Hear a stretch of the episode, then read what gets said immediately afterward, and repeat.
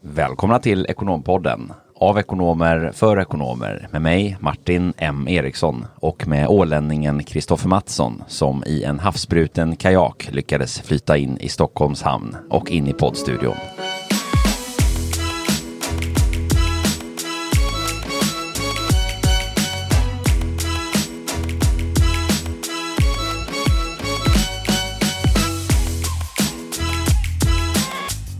Känns som att det var ett tag sedan vi satt här nu. Vi har gjort alla möjliga grejer, men det var länge sedan vi firade påsk. Vad har du gjort för spännande sen sist Martin? Jag har Ja. varit i Spanien ja. Det har du varit. Eh, och hörde du min eh, inbjudan till kakpaddling? Eh, Den du drog introt här eller? Den subtila. Ja, Nej, det är väl dags för eh, årets första kajakpaddeltur? Det eller? är det. Vi har faktiskt bokat den nu. Vi ska till eh, Sydkoster här och paddla ett litet gäng i juni med eh, lite expedition och eh, lite övernattning i tält och annat skoj. Tranga kök och sånt där härligt friluftsliv. Jag har blivit en riktig fri, friluftsperson. Jag vet inte hur det gick till faktiskt. Sista Nej. åren. Du har ju alltid känts lite sådär halvkonstig, gå ut i skogen och sådär, söka grejer. Söka grejer. Ja. Vad syftar du på då? Nej, jag vet inte vad du hittar på dina kajakpaddelturer. Nej, friluft och eh, njutning. Ja, det är det eller så är du i fjällen och, och åker skidor. Exakt, jag brukar säga det. Skidåkning på vintrarna, kakpaddling på somrarna. Det är, nej, som upplagt för succé faktiskt. Vet du vad jag har gjort sen senast? Du har eh, gjort allt annat än att kaddla, pa, kaddla pajak, eller vad säga. Paddla kajak och åka skidor. Du har ju varit i Spanien som sagt och gottat dig. Ja, jag har varit och vandrat i berg och så har jag druckit en del rödvin och så har jag käkat massa tapas och sen så bestämde jag mig för att efter 10-11 dagar i solen så behöver jag ha en, en detox här. Så nu i maj månad så kommer det, jag signa upp mig på bootcamp. Du kommer vara eh, en riktig åländsk hunk in i studion här. i. Ja, vi får väl, vi får väl se. Det ska, jag ska försöka vänja mig med det här och stiga upp 06.00 och hoppa på det här passen. Jag har sträckte mig baklåret efter första, efter första timmen. Så ja, men det blir kul och åter till lite rutiner och, eh, och komma in i det igen. Mm. Men du är ju en morgonpigg eh, person. Eh, så att det där tänker jag väl, det ska väl gå eh, utan problem. Ja, både morgonpigg och morgontrött. Eller kvällstrött heter det. Ja. En annan pigg person är ju dagens gäst, eh, Ludvig, som lite oberoende av vad som än händer i livet har ett leende på läpparna och en eh, extrem eh, mental styrka att ta sig igenom personliga motgångar likväl som att eh, navigera bolag in på börsen i samma veva. Varmt välkommen hit Ludvig. Stort tack. Vilket fint intro. Verkligen, det där var, kom från hjärtat eh, Martin och vi är väldigt ärade och superkul att ha dig här och, och få höra lite mer om, om dig Ludvig och eh, kanske din resa och vad du gör idag. Och idag är du ju bland annat vd på Saveland om vi har förstått det här hela rätt. Det stämmer. Researchen stämmer. Härligt, härligt. Äh, men jättekul att, att ha dig här och eh, en, en resa som började i ung ålder eh, med diverse olika projekt, alltifrån eh, spel i dess olika former som du ska få berätta mer om vidare in, in i, eh, i fintechvärlden och eh, grundandet utav eh, Saveland eh, som du var tidigt på pucken med eh, och vidare in på börsen och idag eh, vd och investerare i eh, mycket onoterat som är spännande. Stämmer bra. Ja, men som ett stående tema när vi har gäster och eh, i studion brukar vi alltid köra fem snabba och det här ska väl inte bli något undantag heller. Och som sagt, helt oförberedd. Är du redo Ludvig? Spännande. Inga politikersvar alltså. Inga politikersvar. eh, Okej, eh, först ut, ganska potentiellt enkelt, men eh, poker eller Counter-Strike? Poker. Är du eh, morgonkaffet eller kvällsten som får utrymme? Både och. Nej, jag misslyckades direkt ju. Kaffe. Morgonkaffet. Suit eller hoodie? Sut. När du eh, reser, är det pasta eller tapas? Tapas. Och sist ut här då Ludvig, eh, seriösa deep talks eller slänga käft? Det blev ju en Elon Musk-tystnad där på 18 sekunder, men eh, Jag har hört att Deep den är talks. framgångsrik. den är 21 sekunder lång och helt fantastisk att lyssna på. Men eh, svaret är Deep Talks helt klart. Ska vi, eh, ska vi kasta oss in lite på, eh, på nuläget Ludvig? Eh, berätta, vem har, vi, vem har vi här i studion? Ja, men det kan vi göra. I, i dagsläget VD på First North för bolaget Saveland som är ett eh, fintechbolag med två egenutvecklade plattformar. Det ena som kanske är vår mest kända är under varumärket Saveland och är vår sparplattform där du som investerare kan få en bra riskjusterad avkastning och utan börsens volatila svängningar. Och sen så har vi också en faktureringsplattform där vi hjälper allting från de mindre bolagen som behöver automatisera sin fakturering till stora fackförbund med liksom flera hundratusentals transaktioner i månaden. Så vi caterar för, för både den lilla på hörnet och den, den stora jätten. Och vi är idag någonstans mellan 70 och 80 anställda utspridda i Sverige, Finland och Polen. Det är svårt att hålla räkningen när man växer fort. Ja, men speciellt när man är mellan olika rapporter vad man får säga och inte säga. Ja exakt, vilket rum sitter man egentligen? exakt. Jag är har, lite har nyfiken... du koll på klockslaget när det släpps där? Precis. Nej, men jag är lite nyfiken, peer-to-peer eller P2P lending, vad, vad är det för någonting för de som undrar? Ja, men det är grundtanken där Saveland startades ifrån och egentligen så går det tillbaka, egentligen part till part. Det är att jag kan låna ut pengar till dig och eh, jag kanske har pengar över i slutet av månaden och du behöver låna pengar. Du kanske ska upprätta en fastighet eller du behöver betala dina konsult lite extra snabbt. Då hjälper vi att sammanföra de här två parterna. Och går man liksom riktigt långt tillbaka så var det ju så här bankerna funkade förr i tiden. Någon satte in en krona, banken lånade ut en krona. Nu finns det ju massa hävstång i det systemet, men vi går liksom tillbaka till dess ädlaste form där en krona in blir en krona ut en ädel form av, eh, av eh, finansiell typ av liksom, transaktion mellan parter, men ändå i en teknisk framkant. Ni har ju utvecklat den här plattformen sedan eh, många år tillbaka.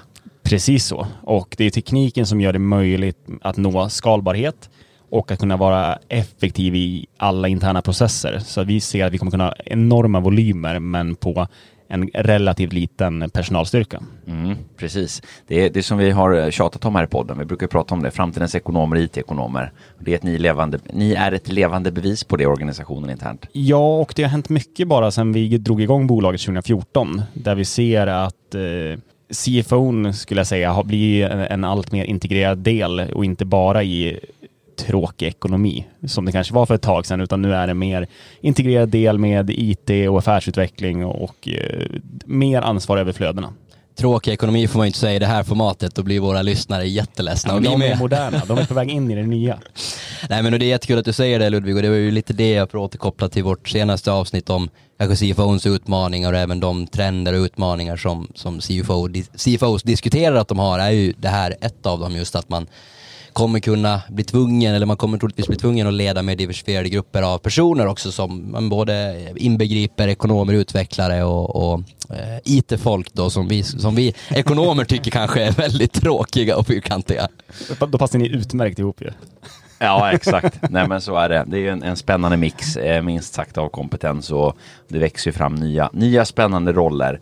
Eh, och hur många av, av faktiskt er mindre eh, tillväxtbolag som faktiskt ligger i framkant med det här. Det är ju det är rätt häftig, både kanske utmaning men samtidigt möjlighet eh, att, att vara ganska snabbrörlig som en liten aktör. Eh, vad, vad, upplever du för, eh, för nytta av att ni har varit ett, ett, ett entreprenörsdrivet tillväxtbolag och vad har liksom nycklarna för er varit i den här resan?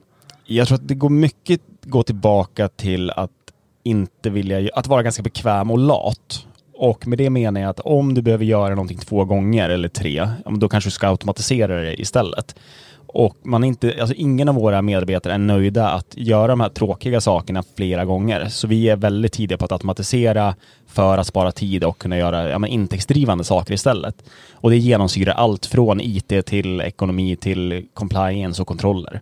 Så jag tror att det är den stora skillnaden och det är mycket mentalt mindset där vi pratar mycket internt om att vi vill ha liksom intraprenörer hos oss där alla ska kunna vara ja, men driva egna utvecklingsprojekt och ta hjälp av andra, men aldrig vara nöjd med nuvarande struktur, utan finns något att förbättra, men upp med det på bordet, högt i tak och diskutera. Så vi får höra väldigt mycket dumma idéer, men många av de här dumma idéerna vid en första anblick blir genialiska när man faktiskt har grottat och blött och stött dem lite grann. Mm, precis, det är sådär. Det, det, krävs ett antal dumma idéer också för att de, de, riktigt bra ska komma fram. Ja, men det sägs väl att Gmail var ju en av de här dumma idéerna som Google lägger 10% av sin tid på att utveckla. Och det är ju rätt stort idag liksom. Ja. Tänker tillbaka på min gamla kompis som hade extremt mycket idéer och, och, och många av dem eh, när vi växte upp sådär, det kunde vara allt från att ha ett ett självmasserande bandage på, på benet till ja, eh, golfbollar med, med, vad heter det, pilbågar och allt vad det var.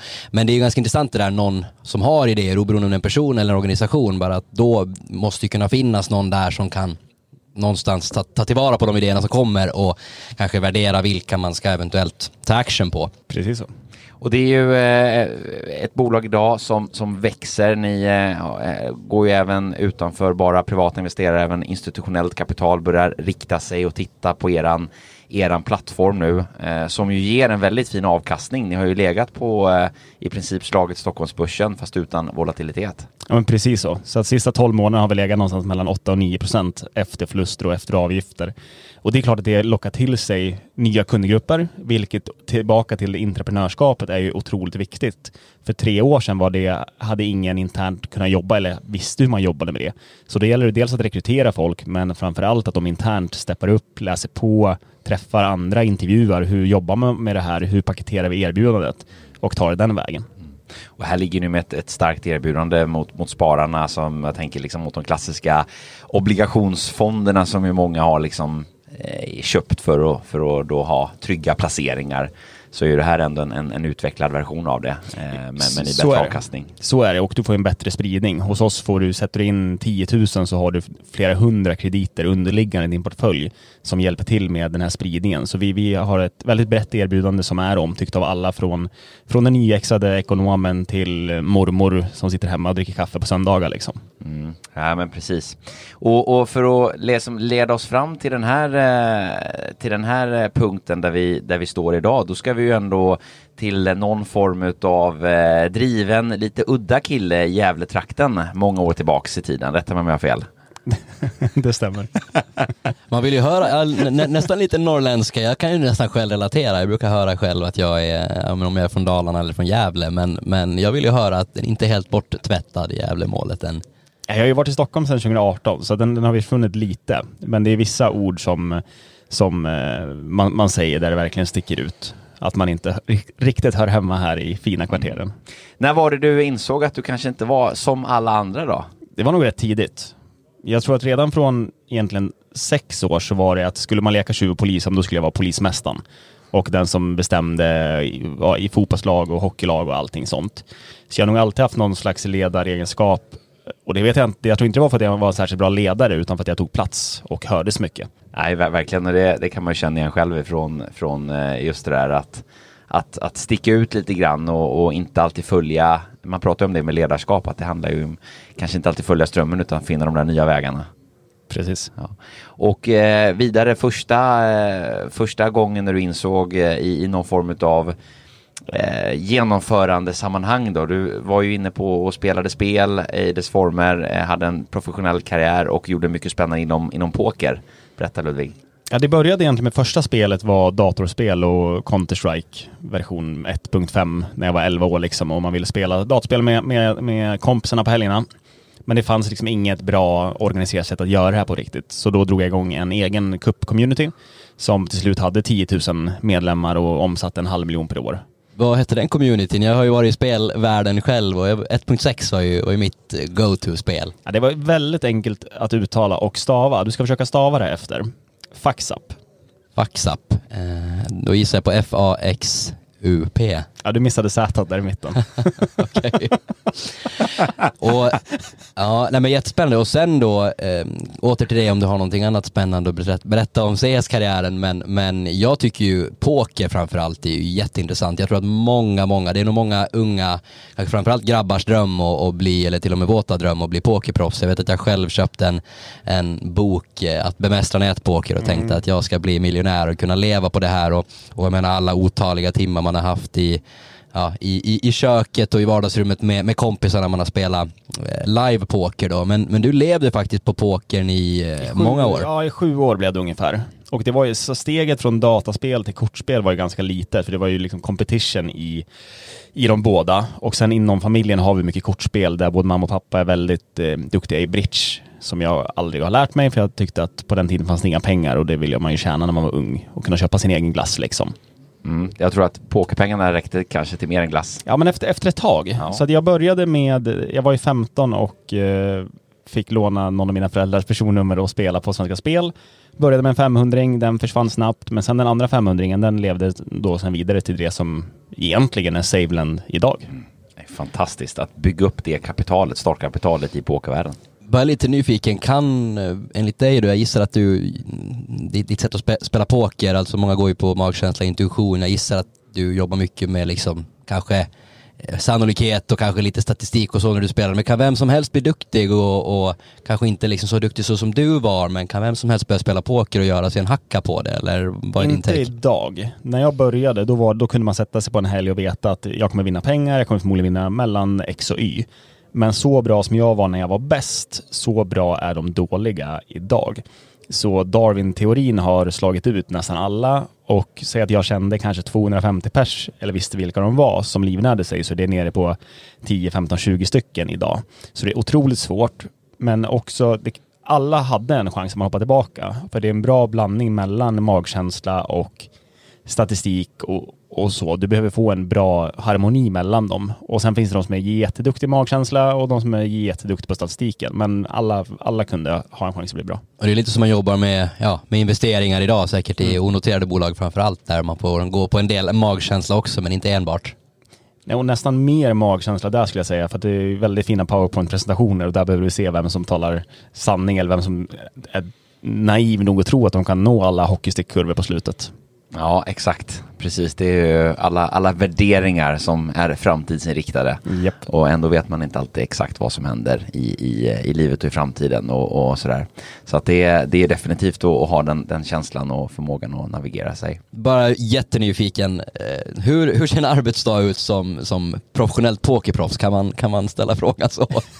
det, det, det varierade ganska mycket, men jag spelade mest online och inte så mycket live på kasinon. Och online så, precis som nu, så vill jag ha mycket att göra samtidigt. Och du hade ju en viss intjäning per spelad hand. Och då är det så här, hur, hur motiverar du eller hur maximerar du din vinst? Jo, du spelar fler bord för att du får då spela fler händer i timmen.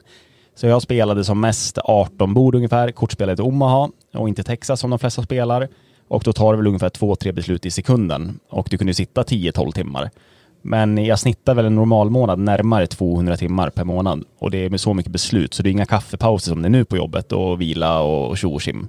Nej, det, det låter ju fascinerande och vi pratar ju här, vi var och käkade en lunch innan och pratade om att vi män har dålig simultanförmåga och det låter som att du ändå hade någon tendens att ha, kunde göra två saker samtidigt när du spelade poker. Jo, men, ja, lite så är det ju faktiskt. Mm. Hur eh, eh, togs beslutet att lägga ner eh, påken? Jag tjänade mindre och mindre under sista året och det var för att det blev svårare och svårare samtidigt som man var ganska omotiverad. Så att jag tänkte att jag behöver göra någonting vettigt med livet och då så ansökte jag till högskolan och kom in. Och när jag väl var inne så eh, tog också Saveland fart som jag startade parallellt och då blev det ganska naturligt att ska man göra någonting där man har varit duktig så vill du ha tiden att fortsätta vara duktig, annars blir det rätt eller snabbt tråkigt. Jag vill vill till att slipa på, på talangen och förmågorna hela tiden mm. så att man tar nya steg och växer och utvecklas. Precis, ja, men lite som vi pratade om inledningsvis bara med CFO-erna. Du, du, kan inte vara klar, kvar i gamla hjulspår utan du behöver hitta nya för att vara attraktiv på arbetsmarknaden. Mm. Ja, lite beat yourself every day eh, som tankesätt. Mm, helt klart. Och eh, berätta om starten av Saveland, Ludvig, när du, när du började skissa på den här idén och, och hur, hur gick du från tanke till handling? Och var du visionären som hade, hade den här idén klar framför dig tydligt eller eh, var det lite, lite sakta framväxande här att man börjar i någon ända? Ja, men den var nog hyfsat klar från början. Både att vi skulle syssla med krediter och en bredare bas och att vi skulle noteras. Så de två sakerna har gjort att det är ganska skönt att ha en tydlig vision, för sen vägen dit kommer se väldigt annorlunda ut än vad man tänker sig, men du har fortfarande, vad ska man säga, stjärnan klar, klar du ska följa och hitta på himlen. Så det, det, var klart och sen fick man bygga ut efter det. Men vi började från Gävle som sagt och i ganska liten skala. Ingen riskkapital. Vi satt i norr om Stureplan, så vem vill investera där? Det har blivit lite bättre nu, eh, åtta år. Men fick in ändå lite, lite Gävle-investerare som inte normalt investerade i så mycket onoterat, men som ändå ville ta chansen och betta på mig egentligen. Och sen när vi skulle fortsätta expandera så fanns det för lite personal att anställa i Gävle. Och för att kunna fortsätta växa som vi ville var vi tvungna att flytta till Stockholm. Och då, och då tog, eh, vad var det, den liksom springande punkten som gjorde att resan verkligen tog fart? Där du märkte att nu, nu händer det. Finns det någon sån tidpunkt eh, under, under bolagsbyggandet? Ja, men det skulle, skulle jag nog säga ändå. Och det har mycket att samman, eller sammankoppla till flytten till Stockholm. För då började omsättningen ta fart. Vi gick från, eh, nu är det några år sedan, men 4 miljoner till jag tror det var 14 och sen 21 eller 22. Och då börjar man ändå börja bygga lite organisationer sånt samtidigt. Så det är väl någonstans där en brytpunkt går från att ja, men kommer det funka, kommer vi börja få fart till att man ser att mycket av de här KPI-erna går åt rätt håll och du har fått en någon slags brasa du kan slänga på mer eld på och du får en eh, förväntad outcome. Men en eh, multitasker Ludvig med, med många, eh, många spel parallellt. Vad sa du, 18 stycken förut va? Yes, Visst var det så? stämmer bra. Och eh, utöver Saveland har du också då parerat, inte 18 styrelseuppdrag, men bland annat ett väldigt spännande, N-Labs, som ju också är en eh, i noterad miljö. Precis. Och ja, där kom jag, blev invald 2017 och via en av de här investerarna jag fick från Gävle som ville dels åt min, eh, min lite ådra för det regulatoriska och compliance-hållet som de ville stärka upp i den styrelsen. Dels för att förbereda mig för Savelen i noterad miljö och få lite försprång på vad behöver man tänka på och vad, vad skiljer och vilka likheter finns det för ett styrelsearbete i en onoterad och eh, noterad miljö. Strategisk eh, smart ägare där som, som utbildar, eh, utbildar portföljbolagens vd. Ja men verkligen. Så det är jag väldigt tacksam för i efterhand, helt klart. Ja, vad kände du då vid den tidpunkten? Var det, det var en möjlighet som öppnades upp såklart, men redan, du redan under pokertiden hade många, många, många puckar parallella och du har ju sagt att du gillar att ha mycket att göra. Hur, hur, hur fördelar man tiden? Hur strukturerar man, hur strukturerar man sin tillvaro när man har olika saker som, som drar en? Jag tror du behöver vara ganska klar över dina prioriteringar, vad som, vad som är viktigast för dig och det som är ja, men störst innehavsmässigt eller där du har lo, lovat mest. Och sen så vara duktig på att sortera på vad som är viktigt och vad som är bråttom och sortera in i olika fack. Så jag försöker, det blir rätt många timmars jobb i veckan helt klart, men jag försöker hålla det rätt balanserat mellan interna projekt och det vill säga SaveLend och mina övriga engagemang. Det är intressant att du tar upp det där med att prioritera arbetsuppgifter. Jag tror det är många som har stora problem med det. Det vet vi själva att vi har pratat om tidigare i podden också, just hur man ska sortera arbetsuppgifter och lägga kanske i, i to-do. Eh, viktigt bråttom, vad heter den här? Ja, det var den jag försökte gå in på, den här fyrboxen. Eh, Eisenhower. Eisenhower, så var det ja. Precis, den har vi faktiskt pratat om i något tidigare avsnitt. Så att om du skulle ge dina stalltips då för dig som ju har ändå den här simultanförmågan och kanske lyckas göra en prioritering och ändå göra både kvällar och helger och, och, och dagar och morgnar. Vad, vad skulle de stalltipsen vara till, till den som eh, kämpar med detta? Jag börjar i andra änden och där jag tror att det är väldigt viktigt att ha återhämtning också. Så jag försöker ha lördagar helt off från jobb så att jag får i alla fall liksom en hel dag. Men annars är det planeringen och jag ser varje söndag ser jag över veckan, strukturerar om, bokar om om det är något jag känner inte är urgent och important för att gå tillbaka till de där rutorna. Men jag tror det är också viktigt att känna sig själv på, har du en bra dag med energi, ja men då kanske du ska på kort tid boka av saker för att leverera på andra saker som har, har dykt upp. Men, men överlag så kommunicera både med dig själv och med parter runt omkring dig. God dialog och eh, flexibilitet på samma gång. Exakt. Ja. Och lever, leveranssäkerhet. Mm, precis. Du hade ju den här resan, ni eh, hade en, en, en spännande tillväxt i bolaget. Ni hade en klar idé om eh, att ta er in i noterad miljö, eh, vilket skedde förra sommaren. Eh, och du eh, klev in som eh, börsbolags-VD vid den tidpunkten. Och några veckor senare så eh, tog livet en, en skarp vändning. Stämmer också. Vad hände då? Vi noterades 9 juni förra året och det var ju superkul och liksom bra fest och um, allting där omkring. Jag, och fästmön missade vårt flyg dagen efter. Det var en riktigt bra fest. det låter som en sån där baksmällan. Ja, men li, lite så, lite så. Och, och eh, tyvärr så var vi bjudna på en, en resa i Spanien eh, där vi blev lite försenade. Då. Men det löste sig, vi hade några bra dagar. Efter det så hade vi en semester, ganska välförtjänt tyckte jag, för det hade varit en eh, intensiv vår och intensiva år. Men sen så fick jag lite ont i magen när jag var i Spanien och eh, gick och kollade upp det och de sa att det här är ingenting. Det var både kiropraktor, läkare och, och akutsjukhus och de gjorde ultraljud och sa att det är en liten sträckning. Skönt, körde vidare i Spanien, men sen gick det inte över, så det var samma sak när jag kom hem. Då gick jag till min kiropraktor och hon sa men det här är märkligt. Jag bara, jo men jag har hört det här för en vecka sedan, det är lugnt, bara ge mig lite massage så tar vi bort det här. Men hon tyckte jag skulle åka till läkaren i alla fall och läkaren fick väldigt mycket panik. Jag hade 180 genom 130 i blodtryck, vilket är ganska högt. Och jag kom direkt från jobbet så jag tänkte att det är kanske är därför, men eh, äh, han bara, men åk till akuten, eller jag, jag hämtar en ambulans. Och då tänkte jag, nej men det behöver inte jag ta taxi. Man vill ju inte, det finns någon annan som har det värre. Så jag tog en taxi in och sen efter röntgen några timmar så fick jag besked att det var cancer i magen och inte någon sträckning tyvärr. Mm. Och du möttes av det här beskedet. Eh, i, i vad, vad, var känslan då i kroppen? Ja, vanligt, man, jag hade en egen, ett eget rum där på akuten och eh, modern som man är så scrollar man ju 1177 så att jag tog emot beskedet själv i anteckningar där. Och då stod det misstänkt metastas och skelettcancer var den första diagnosen. Och då direkt började man googla och det var inte så munter googling om man säger så. Då var det väldigt låg överlevnadsprognos och sen efter någon halvtimme så kom läkaren in och såg väldigt besvärad ut och då sa jag det är lugnt, jag har redan läst själv. Och då tyckte han väl att jag var lite speciell då också. Mm. Och eh, det här eh, beskedet eller den här diagnosen förändrades ju senare. Precis, så dag, dagen efter så var jag tillbaka på sjukhus igen, gjorde lite fler tester och då jag hade en väldigt surrealistisk upplevelse med en, eh, nu höll jag på att säga gravidröntgen, vad heter det? Ultraljuds, ultraljudsröntgen heter det. Där eh, vi kollade testiklarna av alla och då sa hon att du vill hitta någonting här. Och det kändes ju väldigt märkligt innan man visste någonting, men var, varför det? Då sa hon för att den här prognosen är så enormt mycket bättre. Du går från någonstans 60-70 procent till 97,5 procent normalt sett. Mm. I överlevnad på tio år. Och där fann man ett svar. Ja, så vi jublade lite halvt tillsammans när jag låg med byxorna neddragna på en kall metallbrits. Mm. Det finns ju, eh, min far sa vid något tillfälle här för inte så länge sedan att eh, det bästa med när det är som jävligast är att det bara kan bli bättre. Och det låter ju som en sån här upplevelse. så, så, så är det. Och, och, överlag ska man väl ha den inställningen.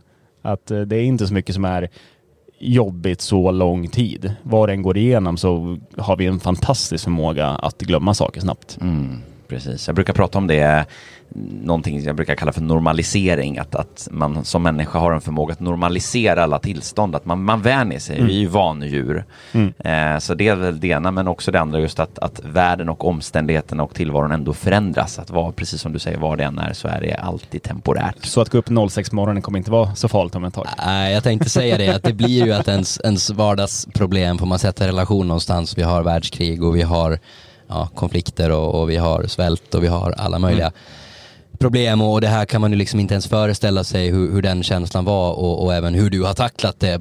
Det är ju fantastiskt eh, fascinerande. Eh, med det, du ska få åter, åter till det, men jag måste dock säga det, jag läste också den här boken Factfulness här eh, mm. nyligen som ju då egentligen handlar om att motarbeta den skrönan om att allting var bättre förr. För mm. det är ju faktiskt så att, att många saker, det vi får se på, på, på media och i, ny, i nyheter och tv-sändningar så ser ju ibland lite mer fruktansvärt än vad, vad det faktiskt är. Vi går ju ändå åt, åt rätt håll och eh, om vi pratar liksom barnadödlighet och mm. allt, vad det, allt vad det kan vara. Men medskicket där kanske ändå, ställa det i relation och, och ta saker och ting för vad det är. Precis, fantastisk bok för övrigt. Du var inne på det tidigare Ludvig, att, att det har varit eh, ett händelser, en händelserik tid i livet och, och eh, händelserika år som ju var, eh, gjorde den här Spaniens semestern välförtjänt, men kanske ett än mer händelserikt sista år som ju nu någonstans börjar sätta punkt och, och gå in i en ny era. Hur ser läget ut just nu? Just nu så är jag färdigbehandlad och det blivit sju cellgiftsbehandlingar varav två kallas högdos som är rätt brutala och väldigt jobbiga när du är mitt i dem. Men nu sen någon månad efteråt så har man normaliserat dem och tänker att ja, det var väl en läxa för livet också. Men det har också varit en utmaning under året att leda på distans. Jag har haft en hel del styrelsemöten och ledningsgruppsmöten från sjukhussängen. Och vi har lite krav på att man ska ha video på i alla samtal och det har väl inte alltid varit en... Eh, jag har inte alltid kunnat följa det för jag har sett för jävlig ut stundtals. Och energin har man fått luras med rösten medan ansiktet har ju varit i sömn. Liksom. Men du bestämde dig för att vara restriktiv med sjukskrivning. Ja, det kan man väl säga. Eller snarare tvärtom, jag trodde inte det skulle hjälpa mig. Så jag ville försöka jobba. Jag fick frågade läkarna vad kommer det innebära? Och det var ju allting från de som är sjukskrivna från dag ett tills de är klar, tills de som är lite sjukskrivna och försöker jobba då och då. Men det är lite lättare att vara vd för ett fintechbolag än att vara en snickare med den här diagnosen exempelvis. För att när du inte jobbar med händerna. För hade jag haft ett fysiskt arbete, det hade varit helt kört för att min ork är nere i botten. Nu när jag kom ut från de sista eh, behandlingarna så försökte jag göra två utfallssteg och det gick liksom inte för mm. att benen började skaka och sen sträckte jag baksidan också.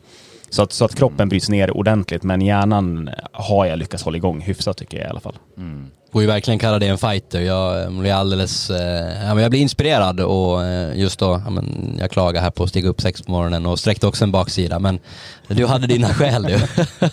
Så vi vill inte höra någonting Kristoffer om den här eh, majutmaningen med att du ska stiga upp fyra dagar i veckan klockan sex på någon bootcamp-träning här inför sommaren. Det, det, förväntar vi oss, både jag och Ludvig, att du löser här. Jajamän, jag ska också bli en fighter. Men när brukar du gå upp annars blir jag jättenyfiken på? Ja, nej men jag går väl, jag brukar åka till kontoret vid, strax innan nio och käka frukost och då stiger jag upp eh, åtta, kvart över åtta och slänger mig en dusch och sen hoppar jag in. Hade också eh... velat jobba halvtid. nej då. Nej, det är som sagt, det är ambitioner också. Exakt, nej, verkligen så. Du Ludvig, eh, vi var lite inne på det här med leda på, eh, på distans. Det har ju varit en, en eh, pandemi mm. som vi har tagit oss igenom. Eh, ni har förvärvat senast ett bolag i Finland. I Stockholm senast, men Finland, Finland dessförinnan. dessförinnan. Precis. Och eh, samtidigt då eh, med Teamsmöten med avstängd kamera från sjukhusmiljön. Mm. Ja. Eh, vad, vad drar du för, eh, för erfarenheter och lärdomar av, av ledarskap och kommunikation eh, under sådana här ganska speciella omständigheter som det trots allt har varit allt annat? På sätt och vis fick vi öva under corona och det tror jag var bra. Att man inte var på kontoret så har man ändå fått lite rutiner året innan.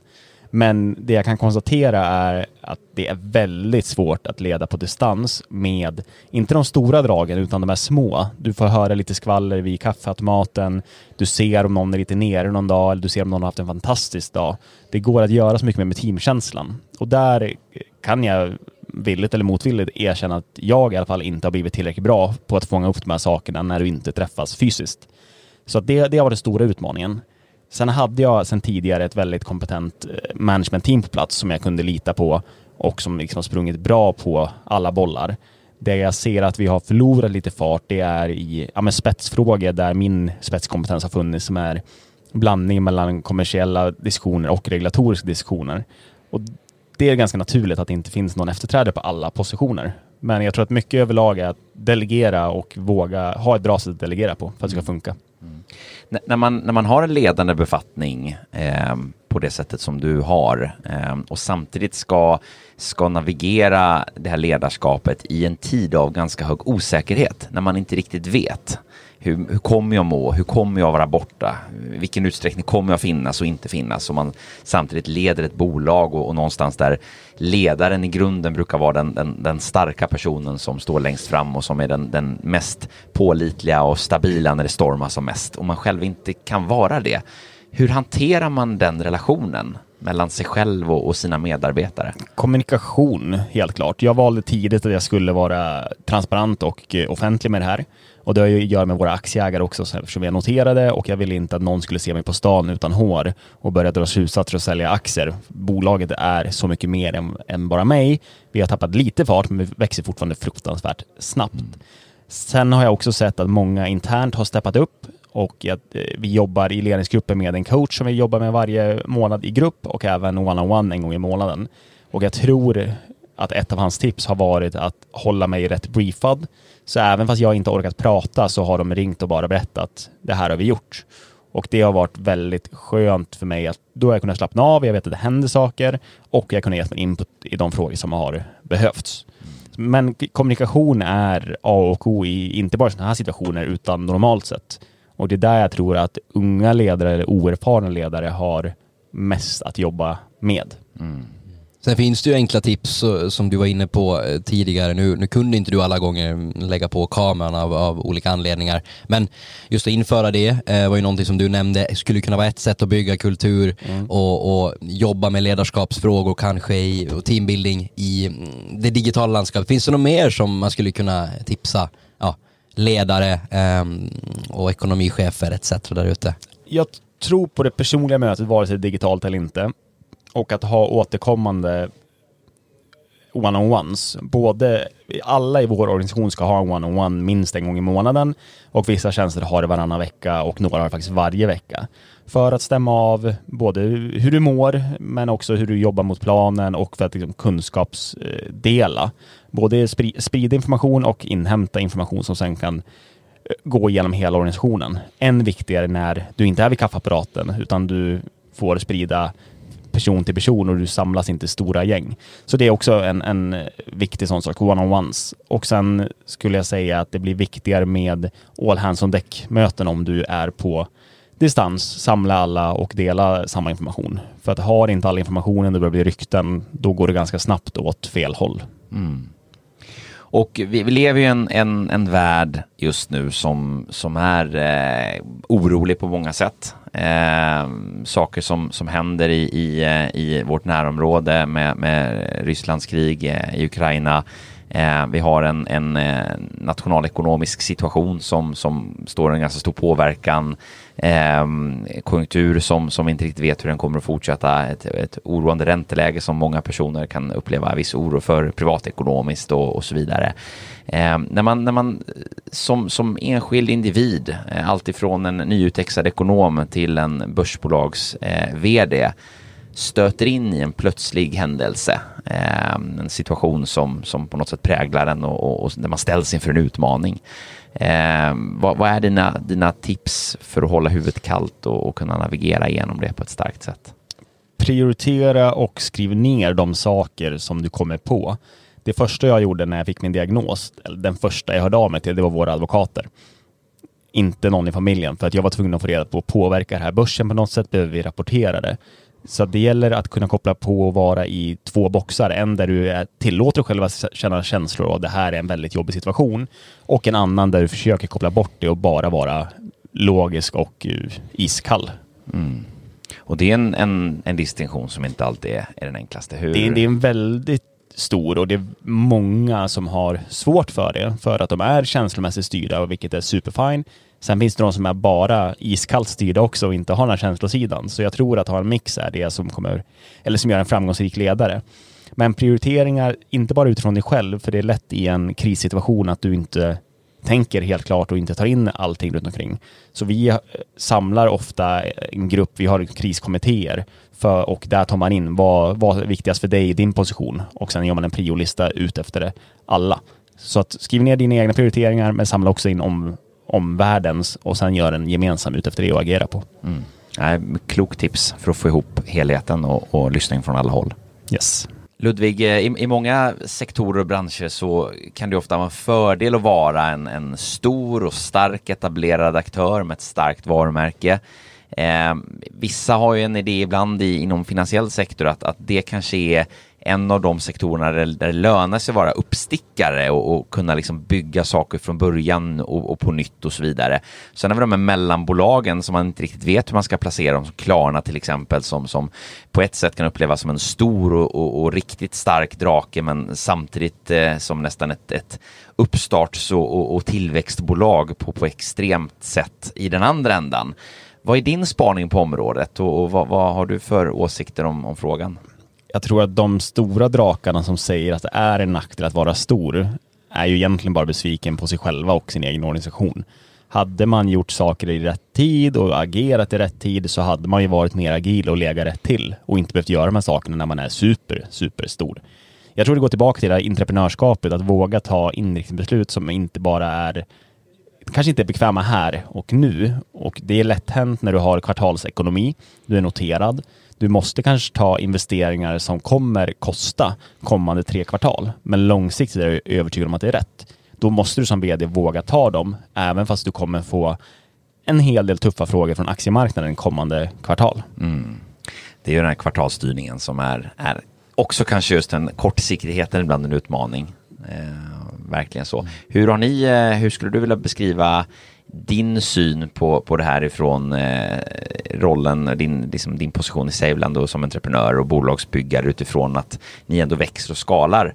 Ni är en affärsmodell idag, men hur, hur, eh, hur ser ni på framtiden och hur säkerställer ni att ni är, är agila framåt också?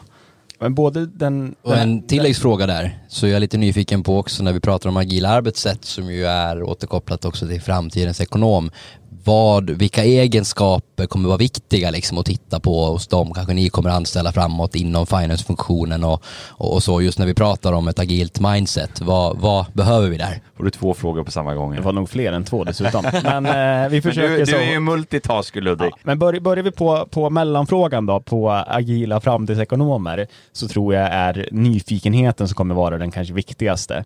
Att det du, och förståelsen av att det du har läst under tre år eller fem år på högskolan kommer du ha noll nytta av. Mer eller mindre. Du kommer behöva lära dig allting från början. När Harsh du but true. Ja, det, det som kommer vara kvar efter studien det är studieskulderna, tyvärr. Så ett growth mindset någonstans? Ett, ett growth mindset, du ska tycka det är kul med nya utmaningar och ett av mina tips till nyexad brukar vara på engelska är uttrycket eat the frog for your boss, vilket, in, vilket på svenska blir någonstans att hitta de uppgifter som din chef inte tycker om att göra, gör dem och bli riktigt bra på det. Dels kommer du bli uppskattad av chefen, dels kommer du kunna öppna upp karriärsmöjligheter som inte annars finns. Bra tips. Och till den andra frågan som var om agila arbetsmetoder, som vi kan förtydliga kanske vad frågan var då. Mm, precis, tänk hur ni arbetar för att säkerställa att det inte blir den här IBSen. För det är ja. lätt att, att, när man är i den storleken ni är idag vara moderna och, och, och med. Men när man bygger någonting in i framtiden, mm. pratar om blockchain-teknik till exempel, hur den här marknaden kommer att förändras. Hur, hur jobbar ni med framtidsspaningsfrågorna? Men det går in lite i kulturarbetet och vilka medarbetare du vill ha. Och vi försöker, vi har väldigt nyfikna medarbetare där vi delar mycket artiklar som är aktuella. Vi försöker varje måndag, vad har ni läst i helgen? Hur kan vi ta, ta tillvara på det här? Nu senast i måndag så hade vår produktchef läst en artikel om hur arbetsgivare kan stå ut i rekryteringsprocesser och då så diskuterade vi den och det var fem punkter där en bland annat var att på samma anställningsannons för samma tjänst att lägga ut den med flera olika titlar. För att mm. det är inte säkert att en person kommer söka på digital marknadsförare. Den kanske söker på growth hacker. Och du har samma grund i tjänsten men du anpassar budskapet beroende på nivån på, eller ja, men inte kunskapsnivån, men vad den personen, mottagaren, söker efter. Och ett annat sätt är ju att kontakta oss på Talents of Sweden då, så kan vi också förklara och beskriva kärnan i den här rekryterings, eh, på rekryteringsannonsen. Men, men annars är det ju väldigt, väldigt enkelt att just kunna nå ut till ett bredare spektrum av personer. Precis. Och där blev det sponsrat inlägg. Exakt. Exakt ja. ja men så, så, att bara för att runda av där så ha rätt medarbetare, våga diskutera eller gör tid för diskussion med saker och inspiration som man får från utsidan. Jättespännande Ludvig att höra, höra dig säga det här. Eh, som vd för ett växande bolag i den här sfären av ganska hög komplexitet i affären. Eh, och, och, och, just att, att bejaka de här trendförändringarna i marknaden och verkligen ha en organisation som är receptiv och mottaglig för det och som just förstår att men, den kunskapen jag har idag, den kommer jag kanske inte eh, vara 100% förtjänt av imorgon utan jag måste vara med i marknaden örat mot rälsen och förvärva ny kunskap och då blir ju nyfikenhet och, och, och den här förändringsbenägenheten viktig. Så att, så att ett tips då till kanske alla pågående studenter, se till att ha roligt för studieskulden, eller? Exakt så. Verkligen, och sen eh, eat the frog och be comfortable with the uncomfortable. Yes, beat yourself. Beat yourself. Bra eh, Ludvig, fantastiskt inspirerande att höra dig berätta om din resa och du har ju varit med om extremt mycket redan. Du är ju är ju 30 år fyllda ännu. Jajamän. Jajamän. Blev det något 30-årsfirande då? Ja, det blev ju inte det, på sjukhussängen tyvärr. Ja, och det är ju på tal om det, det är ju också liksom, vi sa det förra året här, det var ju, måste vara ett extremt känslofyllt år med både liksom lycka och blandat med, med förskräckelse. Och, eh, jag tänkte bara sådär avslutande innan vi liksom syr ihop säcken här och, och, så, är det någonting som du känner att du skulle vilja förmedla eller bara något liksom tips som du har dragit dig med genom livet och liksom fått dig att tackla motgång, medgång eh, under så dramatiska former om man nu kan uttrycka det så. Är det någonting avslutande som du känner att du skulle vilja förmedla?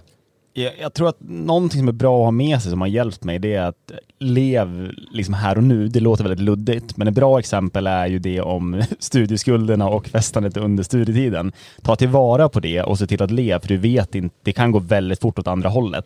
Och jag är övertygad om att jag har levt mer under mina 30 år än de flesta gör under 70-80 år. Och det gör att man kan tackla utmaningar på ett annat sätt och vara mer bekväm i, i obekväma situationer.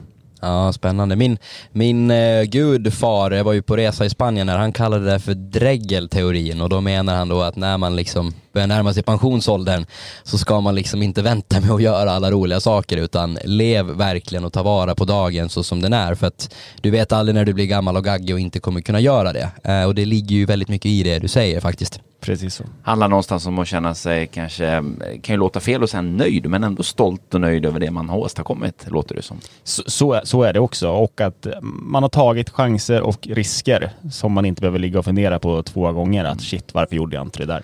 Säg, säg ja oftare. Är det någonting du sitter här och ångrar nu som du inte har gjort eller borde gjort mer av? hoppa fallskärm. Den har blivit inställd tre gånger när jag precis stått på startbanan, så nu är det så lite jobbigt. Är det verkligen meningen eller inte? Och har den blivit inställd eller är det du som har bangat? Jag har inställt faktiskt för mycket vind alla tre gånger. Väldigt frustrerande, men det, det kommer. Jag är helt övertygad om Ludvig att eh, vi kommer att få se dig och hoppa fallskärm snart. Det är jag med. Stort tack. Tack själv. Med det sagt så tackar vi för den här gången och så hörs vi om två veckor igen. Stort tack och tack återigen Ludvig. Stort tack. Hej. Hej.